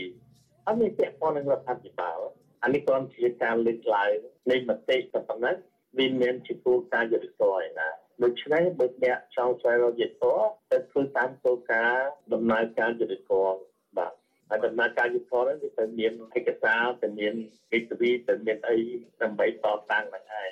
ផ្ទុយពីការលើកឡើងនេះអ្នកខ្លំមើលយល់ថាប្រសិនបរដ្ឋាភិបាលលោកហ៊ុនសែនដឹងថាខ្លួនឯងជាអ្នកខាតដោយសាររងការចោទប្រកាន់ថាជាអ្នកសម្លាប់បណ្ឌិតកែមលីនោះ ដូច្នេះរដ្ឋាភិបាលត្រូវតែស៊ើបអង្កេតដោយឯករាជ្យមិនលំអៀងនិងមានប្រសិទ្ធភាពដើម្បីកំណត់ថាតើជនណាខ្លះជាប់ពាក់ព័ន្ធក្នុងអំពើឃាតកម្មនេះតំណាងរាស្ត្រអូស្ត្រាលីដើមកំណើតខ្មែរនិងជាអតីតមេធាវីលោកតាក់មីងហៀងលើកឡើងថាប្រសិនបរដ្ឋាភិបាលលោកហ៊ុនសែននៅតែគ្មានការស៊ើបអង្កេតដើម្បីតាមចាប់ខ្លួនឃាតករពិតនិងអ្នកពាក់ព័ន្ធនឹងអំពើឃាតកម្មលើបណ្ឌិតកែមលីមកផ្ដន់ទោសតាមច្បាប់ទេនោះសាធារណជននៅតែបន្តសន្និដ្ឋាននិងចាត់ប្រកាន់លើរដ្ឋាភិបាលថាជាអ្នកនៅពីក្រោយបន្តទៅទៀត អ្នកដឹកនាំនាយករដ្ឋមន្ត្រីដែលគាត់មានកាតព្វកិច្ចនៅក្នុងការផ្ដល់សុវត្ថិភាពហើយនឹងផ្ដល់នៅកាតព្វកិច្ចចំពោះយុទ្ធធម៌ទៅដល់ប្រជាជនហ្នឹងគឺចង់មិនចង់ក៏គាត់មានកាតព្វកិច្ចនៅក្នុងការផ្ដល់យុទ្ធធម៌ទៅដល់ក្រុមគ្រួសាររបស់លោកបណ្ឌិតកែមលីផ្ដល់យុទ្ធធម៌ទៅដល់សង្គមហើយនឹងផ្ដល់យុទ្ធធរទៅដល់ជាតិសាសន៍មួយទាំងមូលតែម្ដងគាត់មិនអាចបណ្តែតបណ្ដោយឲ្យមានអំពើភេរកម្មឬមួយក៏អំពើឃាតកម្មនៅក្នុង អាណត្តិរបស់គាត់ក្នុងនាមជានាយករដ្ឋមន្ត្រីដែលតែងតែល្បីថាប្រើកណ្ដាប់ដៃដែកនៅក្នុងការកបចាត់គូបដិបត្តិនោះទេក៏ប៉ុន្តែនេះគឺជារឿងក្រិតគឺជារឿងឃាតកម្មនៅក្នុងកណ្ដាលទីក្រុងភ្នំពេញដូច្នេះកតបកិច្ចពិតប្រកបគឺត្រូវធ្លាក់ទៅលើមេដឹកនាំកតបកិច្ចពិតប្រកបគឺត្រូវធ្លាក់ទៅលើអាជ្ញាធរពាក់ព័ន្ធនៅក្នុងការស៊ើបអង្កេតរឿងនេះឲ្យបានច្បាស់លាស់ លោកហ៊ុនសែនតែងអួតថាប្រទេសកម្ពុជាទាំងមូលស្ថិតនៅក្រោមក្រសែភ្នែករបស់លោកហើយដឹងទាំងអស់អ្នកណាម្នាក់ដែលធ្វើសកម្មភាពប្រឆាំងលោកទោះនៅកន្លៀតណាក៏ដោយសូម្បីតែរឿងលើក្រេរបស់អ្នកដទៃក៏ប៉ុន្តែជាទូទៅសំណុំរឿងគិតកម្មលើបុគ្គលល្បីល្បីនិងអ្នកស្នេហាជាតិជាច្រើនអ្នកដែលរងការចោទប្រកាន់ថាប្រព្រឹត្តដោយរដ្ឋអំណាចរបស់លោកនោះបែរជាលោកហ៊ុនសែនគ្មានលទ្ធភាពរកការពិតដើម្បីលាងសម្អាតខ្លួនទៅវិញជាស្ដែងដូចជាករណីបាញ់សម្លាប់អ្នកកសែតអ្នកដឹកនាំសហជីពអ្នកនយោបាយបកប្រឆាំង ប្រដេចប្រគុណសំមុនធឿនលោកជាវិជាលោកជុតវុធីនិងបណ្ឌិតកែមលីជាដើមសុទ្ធតែបណ្ដោយឲ្យគិតកោនិងអ្នកនៅពីក្រោយខ្នងនៃសំណុំរឿងគិតកម្មទាំងនេះរស់នៅក្រៅសំណាញ់ច្បាប់មកទល់សពថ្ងៃទោះជាយ៉ាងណាក្រុមគ្រួសារជនរងគ្រោះនិងក្រុមអ្នកប្រជាធិបតេយ្យនៅតែរក្សាក្តីសង្ឃឹមថាយុទ្ធធននឹងកើតមាននៅពេលប្រទេសកម្ពុជាមានប្រជាធិបតេយ្យពិតប្រាកដហើយផ្លាស់ប្តូររដ្ឋាភិបាលលោកហ៊ុនសែនចេញដោយជំនួសមកវិញនៅរដ្ឋាភិបាលថ្មីដែលស្អាតស្អំនិងមានតុលាការឯករាជ្យនោះ ខ្ញុំថាថៃពីទីក្រុងមែលប៊នជាពាក់ព័ន្ធនឹងបណ្ឌិតកម្មលេងនេះដែរសាច់ញាតិរបស់លោកក្រុងរៀបចំកម្មវិធីបុណ្យរំលឹកខួបកិច្ចកម្មនេះនៅឯស្រុកកំណើតក្នុងខេត្តតាកែវនិងបានអភិនិយប្រជាពលរដ្ឋឲ្យចូលរួមក្នុងពិធីនេះឲ្យបានច្រើនកុះកកប៉ុន្តែក្រុមយុវជនខ្លះដែលស្ថិតនៅខេត្តឆ្ងាយឆ្ងាយសម្រាប់ធ្វើពិធីជួបជុំដាច់ដライដើម្បីរំលឹកពីវីរភាពរបស់បណ្ឌិតកែមលី ចាលោកនៅវណ្ណរិនរាយការណ៍ជំវិញព័ត៌មាននេះនៅក្នុងខួប7ឆ្នាំនៃការបាញ់សម្លាប់លោកបណ្ឌិតកែមលីអ្នកសិក្សាស្រាវជ្រាវបញ្ហាសង្គមនិងអ្នកវិភាគនយោបាយដែលគោរពស្រឡាញ់លោកបណ្ឌិតនាំគ្នារៀបចំពិធីរំលឹកគុណនៅគ្រប់ទិសទីតាមទីតាំងរៀងៗខ្លួន ចំណែកនៅឯស្រុកកំណើតរបស់លោកបណ្ឌិត នៅក្នុងភូមិអង្គតកុកឃុំលាយបូស្រុកត្រាំកក់ខេត្តតាកែវក៏មានរៀបចំពិធីរំលឹកខួបធំដុំផងដែរ បងស្រីលោកបណ្ឌិតកែមលីលោកស្រីកែមថាវីប្រាប់បញ្ជួអាស៊ីសេរីថានៅថ្ងៃទី9ដល់ថ្ងៃទី10ខែកក្កដាខាងមុខនេះក្រុមសាច់ញាតិនឹងធ្វើពិធីគម្រប់ខួបឧទ្ទិសកុសលគោរពវិញ្ញាណក្ខន្ធឲ្យលោកបណ្ឌិតធំជាងរៀងរាល់ឆ្នាំដោយសារតែឆ្នាំនេះត្រូវធ្វើពិធីបុណ្យឆ្លងចែកដីឲ្យលោកបណ្ឌិតដែលទើបតែសាងសង់រួចផង និងធ្វើបុណ្យចម្រើនប្រជញ្ញជូនម្ដាយលោកបណ្ឌិតផងដែរ បងប្អូនយើងទាំងអស់ទាំងក្នុងប្រទេសនិងក្រៅប្រទេសហ្នឹងមកចូលរួមបុណ្យនឹងឲ្យបានកកកហើយភាពយុត្តិធម៌គឺយើងនៅតែតែនឹកចង់រអញ្ចឹងនៅតែទៀមទាអញ្ចឹងហើយជូនពរឲ្យបានសុខសប្បាយទាំងអស់គ្នាទុកអ្នកមិនបានមកក៏ដោយមកក៏ដោយឲ្យគាត់ទទួលជោគជ័យគ្រប់ការងារសុខភាពល្អណាអូនណាលោកស្រីបន្តថាចែកដីលោកបណ្ឌិតកែមលីទើបសាងសង់រួចរាល់ក្រោយទទួលបានការជ្រោមជ្រែងថវិកាពីលោកនាយករដ្ឋមន្ត្រីហ៊ុនសែន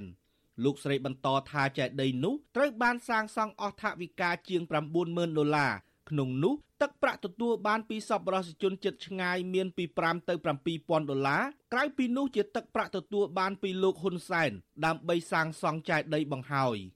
លោកស្រីបន្តថាកម្មវិធីរំលឹកខួបនេះនឹងធ្វើឡើងដូចរាល់ឆ្នាំ គឺនៅល្ងាចថ្ងៃ9កក្កដានិមន្តព្រះសង្ឃសូត្រនិងសម្ដែងធម៌ទេសនានិងព្រឹកឡើងធ្វើពិធីរាប់បាតថ្វាយព្រះសង្ឃជាកិច្ចបង្ហើយបុណ្យលោកស្រីបញ្ជាក់ថាពិធីបុណ្យក្នុងឆ្នាំនេះអាចនឹងប្រឡូកឡើងដោយរលូនជាងរាល់ដង ដែលកន្លងមកតែងតែត្រូវបានរំខានពីអាជ្ញាធរក៏ប៉ុន្តែឆ្នាំនេះលោកហ៊ុនសែនបានជួយខ្នះខ្នែងផ្ដល់លុយសម្រាប់សាងសង់ចេតិយផង និងលុយចំណាយសម្រាប់ធ្វើបុណ្យផងទោះជាយ៉ាងនេះក៏ដោយអង្គការសង្គមស៊ីវិលបានរៀបចំពិធីនិមន្តព្រះសង្ឃធ្វើដាបាំងស្គលនៅការិយាល័យរៀងរៀងខ្លួន ដើម្បីសម្ដែងការចងចាំពីមរណភាពរបស់លោកកែមលីមុននឹងពិធីរំលឹកខួបលោកបណ្ឌិតត្រូវបានរៀបចំដោយក្រុមគ្រួសារនៅឯស្រុកកំណើត។ កាលពីថ្ងៃទី6កក្កដាសិស្សនិស្សិតប្រជាពលរដ្ឋតំណាងមន្ត្រីស្ថានទូតនៃប្រទេសប្រជាធិបតេយ្យនិងអង្គការសង្គមស៊ីវិលជិត100នាក់បានធ្វើពិធីគោរពវិញ្ញាណក្ខន្ធលោកបណ្ឌិតកែមលីនៅការិយាល័យមជ្ឈមណ្ឌលសិទ្ធិមនុស្សកម្ពុជា CCHR ដោយមានរបៀបវិរៈអានកំណាព្យនិងអត្ថបទខ្លីរួមទាំងការចាក់បញ្ចាំងវីដេអូរបស់លោកបណ្ឌិតកែមលីផងដែរ។ ដោយឡែកប្រដេជគុណលងសុគាប្រធានក្រុមពន្លកយុវជន មានធរណីការថាបណ្ដាញយុវជនចំនួន5ក្រុមនៅក្នុងខេត្តបាត់ដំបងក៏នឹងជួបជុំគ្នានៅថ្ងៃទី9កក្កដាក្នុងសន្តាគារស្ទឹងសង្កែក្រុងបាត់ដំបងពីម៉ោង1ដល់ម៉ោង5ល្ងាចដើម្បីបាំងស្កូលឧទ្ទិសកុសលដល់លោកបណ្ឌិតកែមលីនិងរំលឹកពីមរតកគំនិតទស្សនវិស័យល្អរបស់លោកបណ្ឌិតកែមលី។ យើងពិបាកនៅក្នុងការចូលរួមនៅខេត្តតាកែវហើយជាជាធម្មតានៅក្នុងខេត្តបាត់ដំបងក៏ពិបាកទៅហើយទៅខេត្តតាកែវរែងឆ្ងាយដែរអញ្ចឹងជាជាគោលបំណងចង់រំលឹកពីគុណតម្លៃឬក៏ទស្សនៈទានរបស់លោកបណ្ឌិតកែមលីឲ្យយុវជនក្នុងខេត្តបាត់ដំបងទាំងមូលនឹងបានដឹងហើយបានចាំពីវីរភាពរបស់លោកបណ្ឌិតកែមលីអញ្ចឹងទេ ទោះបីជាលោកបណ្ឌិតកែមលីត្រូវបានខ្មាន់កំភ្លើងបាញ់សម្លាប់អស់រយៈពេល7ឆ្នាំមកហើយក្តីក៏ប៉ុន្តែអ្នកគោរពស្រឡាញ់លោក នៅតែចងចាំពីការវិភាគរបស់លោកនិងនៅតែជំរុញឲ្យវេកមុខរកឃាតករពុតដែលបានបាញ់សម្លាប់លោកកាលពីដើមខែមិថុនាលោកហ៊ុនសែនបានប្រកាសសារជាថ្មីម្ដងទៀតថាលោកមិនមែនជាអ្នកនៅពីក្រោយខ្នងករណីឃាតកម្មលោកបណ្ឌិតកែមលីឡើយ លោកថែមទាំងអះអាងថាអ្នកដែលខាតបង់ពិតប្រកបពីការសម្លាប់អ្នកវិភាគរូបនេះគឺរូបលោកនិងគណៈបកប្រជាជននោះទេក្រៅពីប្រកាសបែបនេះលោកហ៊ុនសែនក៏បញ្ជាក់ថាលោកក៏បានជួយចំណាយលុយនៅក្នុងពិធីបុណ្យនានានិងសាងសង់ចេតិយឲ្យលោកកែមលីថែមទៀតផង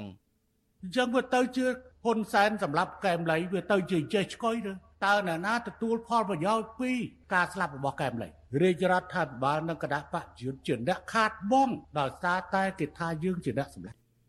ការប្រកាសបែបនេះហាក់មានន័យថាលោកហ៊ុនសែនកំពុងទទួលស្គាល់ថាលោកអឿតអាងហៅជួបសម្លាប់ដែលក្រុមអាជ្ញាធរបានចាប់ខ្លួនហើយត្រូវបានតុលាការរបស់លោកសម្រេចផ្តន្ទាទោសដាក់ពន្ធនាគារអស់មួយជីវិតគ្រាន់តែជាឃាតករសពនិមិត្តដែលត្រូវបានប្រើប្រាស់ក្នុងនាមជាតួសម្ដែងជាប់គុកជំនួសដើម្បីបំភាន់ភ្នែកមហាជនដោយអ្វីដែលប្រជាជនទូទៅធ្លាប់នាំគ្នាលើកឡើងដែរ អ្នកវិភាគនយោបាយលោកកឹមសុខលើកឡើងថាការស្លាប់របស់លោកបណ្ឌិតកែមលីគឺលោកហ៊ុនសែនទទួលបានទាំងផលចំណេញនិងខាតបង់ក៏ប៉ុន្តែលោកថាលោកហ៊ុនសែនទទួលបានផលចំណេញរយៈពេលខ្លីហើយក៏ត្រូវប្រឈមការខាតបង់ដ៏ធំធេងផលចំណេញអាចមានរយៈពេលខ្លីគឺទី1បន្លាចអ្នកតស៊ូប្រជាធិបតេយ្យឲ្យញញើតញញើមក្នុងការធ្វើសកម្មភាពស កម្មដើម្បីបបផែតប្រជាធិបតេយ្យហើយនឹងទី2អាចបំបែកកម្លាំងអ្នកប្រាថ្នាប្រជាធិបតេយ្យក្នុងស្ថានភាពចាំបាច់មួយរយៈពេលខ្លី ដែលលោកហ៊ុនសែនត្រូវផ្ទៃអំណាចឲ្យកូនប្រុសរបស់គាត់បើបងកែមលីនៅមានជីវិតគាត់អាចប្រមូលកម្លាំងតទល់បានណា លោកបណ្ឌិតកែមលីគឺជាអ្នកសិក្សាបញ្ហាសង្គមដ៏ឆ្នើមម្នាក់ពាក់ព័ន្ធនឹងបញ្ហាព្រំដែននិងការផ្ដាល់ដីសម្បត្តិសេដ្ឋកិច្ចជាពិសេសការផ្ដាល់ដីសម្បត្តិសេដ្ឋកិច្ចនៅតាមព្រំដែនឲ្យទៅក្រុមអ្នកវិនិយោគជនជាតិវៀតណាមដែលលោកធ្លាប់តែបង្ហាញការព្រួយបារម្ភពីការបាត់បង់ទឹកដីខ្មែរទៅប្រទេសជិតខាង។ លោកត្រូវបានប្រជាពលរដ្ឋទូទៅទទួលស្គាល់ថាជាអ្នកហ៊ានចេញមុខរូតវាំងននបង្ហាញពីការពិតក្នុងសង្គមខ្មែរតាមរយៈការលាតត្រដាង ពីការជិះជាន់ការរំលោភសិទ្ធិមនុស្សនិងការប្រព្រឹត្តអំពើពុករលួយរបស់ក្រុមអ្នកមានលុយមានអំណាចនៅក្នុងសង្គមខ្មែរខ្ញុំបាទនៅវណ្ណរិន With Chu Azizi Saray ពីរដ្ឋធានី Washington ាលោកដានីជាទីមេត្រីក្នុងឱកាសនេះដែរនាងខ្ញុំសូមថ្លែងអំណរគុណ ដល់លោកអ្នកនាងកញ្ញាទាំងអស់ដែលតែងតែមានភក្ដីភាពចំពោះការផ្សាយរបស់យើងហើយចាត់ទុកការស្ដាប់វិទ្យុអសីសេរីគឺជាផ្នែកមួយនៃសកម្មភាពប្រចាំថ្ងៃរបស់លោកអ្នកការគ្រប់គ្រងរបស់លោកអ្នកនាងនេះហើយដែលធ្វើយើងខ្ញុំមានទឹកចិត្តកាន់តែខ្លាំងថែមទៀតក្នុងការស្វែងរកនិងផ្តល់ព័ត៌មានជូនដល់លោកអ្នកនាងចាំមានអ្នកស្ដាប់អ្នកទេសនាកាន់តែច្រើនកាន់តែធ្វើយើងខ្ញុំមានភាពស្វាហាប់មោះមុតជាបន្តទៀត។ ចាយើងខ្ញុំសូមអរគុណទុកជាមុនហើយក៏សូមអញ្ជើញលោកដានៀងកញ្ញាចូលរួមជំរុញឲ្យសកម្មភាពផ្ដល់ព័ត៌មានរបស់យើងនេះកាន់តែជោគជ័យបន្ថែមទៀតលោកដានៀងអាចជួយយើងខ្ញុំបានដោយគ្រាន់តែចុចចែករំលែកឬ share ការផ្សាយរបស់យើងនេះនៅលើបណ្ដាញសង្គម Facebook និង YouTube ទៅកាន់មិត្តភ័ក្តិដើម្បីឲ្យការផ្សាយរបស់យើងនេះបានទៅដល់មនុស្សកាន់តែច្រើនចាសសូមអរគុណ លោកដានៀងជាទីមេត្រីនៅឯខេត្តកោះកុងអនុវិញសមាជិកក្រុមគ្រួសាររបស់សកម្មជនដីធ្លីដែលកំពុងជាប់ឃុំត្អូញត្អែថាពួកគេកំពុងជួបបញ្ហាជីវភាពក្រោយដែលសមាជិកគ្រួសាររបស់ពួកគេត្រូវបានអាជ្ញាធរចាប់ដាក់ពន្ធនាគារមន្ត្រីសង្គមស៊ីវិលទទូចអាជ្ញាធរដោះលែងតំណាងសហគមន៍ដីធ្លីទាំង9នាក់ដោយឥតលក្ខខណ្ឌចា៎នេះគឺជាសកម្មភាពរបស់លោកជាតិចំណានជំវិញព័ត៌មាននេះដូចតទៅ សមាជិកគ្រួសារសកម្មជនដេកឃ្លីដែលកំពុងជាប់ឃុំនៅពន្ធនាគារខេត្តកោះកុងទទួលរងការឈឺចាប់ផ្លូវចិត្តនិងប្រឈមនឹងបញ្ហាជីវភាពបន្ទាប់ពីប្រត់ប្រាស់ប្តីប្រពន្ធនិងកូនចៅដោយសារតែអាជ្ញាធរចាប់ឃុំខ្លួនសមាជិកគ្រួសារពួកគេយ៉ាងអយុត្តិធម៌ប្រពន្ធសកម្មជនដេកឃ្លីកំពុងជាប់ឃុំលោកសុកជ័យគឺលោកស្រីប៉ែនខាប្រាប់វិទ្យុអាស៊ីសេរីនៅថ្ងៃទី7ខែកក្កដាថា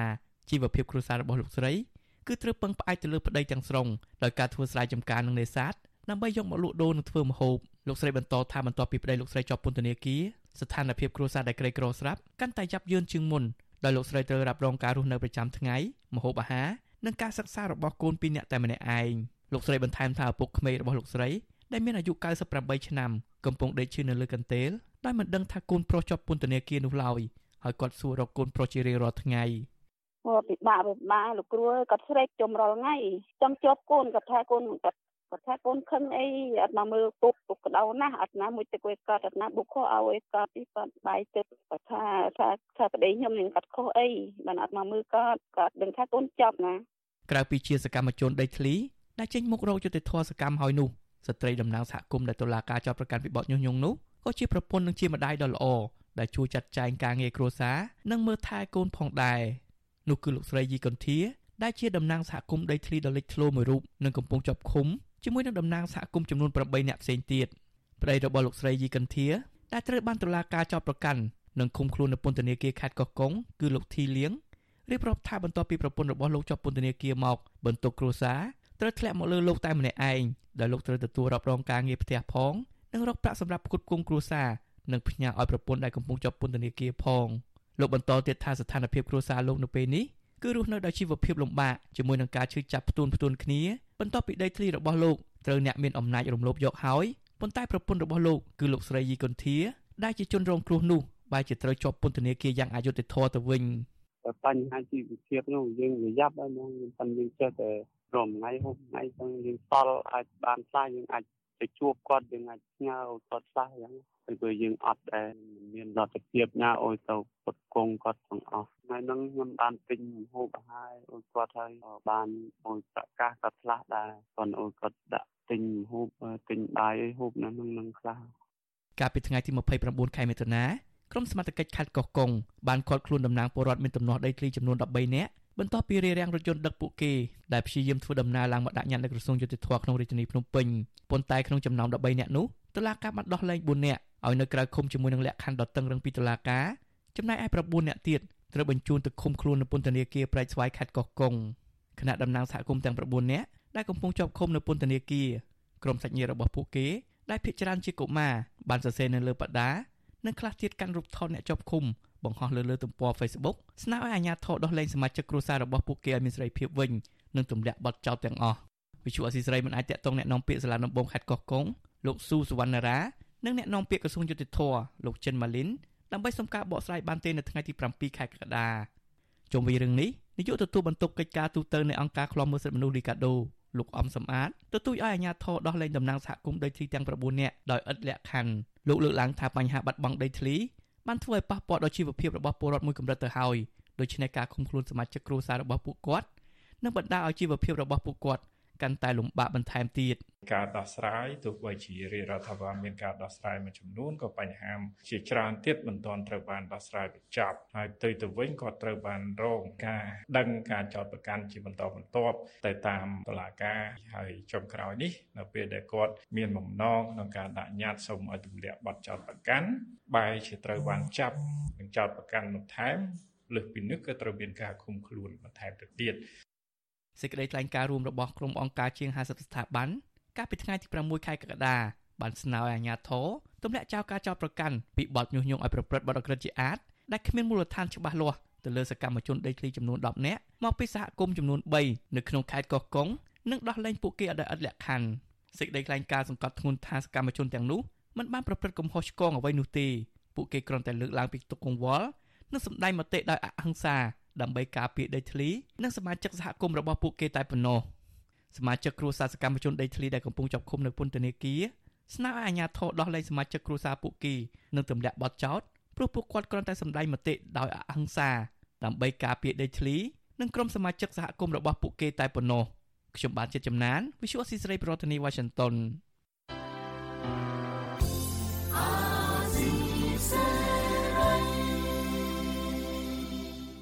ចាលោកលានកញ្ញាអ្នកស្ដាប់ជាទីមេត្រីការផ្សាយរយៈពេល1ម៉ោងរបស់វិទ្យុអាស៊ីស្រីជាភាសាខ្មែរនៅពេលនេះចាប់តែប៉ុណ្ណេះចាយើងខ្ញុំទាំងអស់គ្នាសូមជូនពរលោកនាងនិងក្រុមគ្រួសារទាំងអស់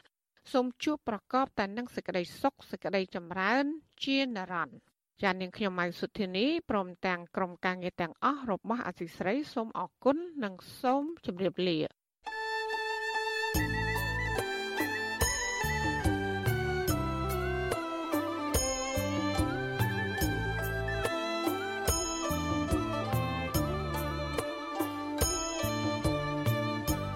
វិទ្យុអាស៊ីសេរីផ្សាយតាមរលក ធាតុអាកាសខ្លីតាមកម្រិត និងកម្ពស់ដូចតទៅនេះពេលព្រឹកចាប់ពីម៉ោង5កន្លះដល់ម៉ោង6កន្លះតាមរយៈប៉ុស SW 12.14 MHz ស្មើនឹងកម្ពស់ 25m និងប៉ុស SW 13.71 MHz ស្មើនឹងកម្ពស់ 22m ពេលយប់ចាប់ពីម៉ោង7កន្លះដល់ម៉ោង8កន្លះតាមរយៈប៉ុស SW 9.33 MHz ស្មើនឹងកម្ពស់ 32m ប៉ុស SW 11.88 MHz ស្មើនឹងកម្ពស់ 25m និងប៉ុស SW 12.14 MHz ស្មើនឹងកម្ពស់ 25m លោកអ្នកនាងក៏អាចស្ដាប់និងទស្សនាការផ្សាយផ្ទាល់នៅលើគេហទំព័ររបស់ Vuthu Azizi Saray តាមរយៈអាស័យដ្ឋាន rfa.org/ ខ្មែរក្រៅពីនេះលោកអ្នកនាងក៏អាចអាននិងទស្សនាព័ត៌មាន Vuthu Azizi Saray លើទូរស័ព្ទដៃរបស់លោកអ្នកផ្ទាល់ សូមលោកអ្នកនាងដំឡើងកម្មវិធី Vithu Azisari នៅលើទូរស័ព្ទដៃរបស់លោកអ្នកនាងឬស្វែងរក Vithu Azisari នៅលើ YouTube ឬ Facebook ដោយស្វែងរកពាក្យថា Vithu Azisari ឬ RFA ខ្មែរ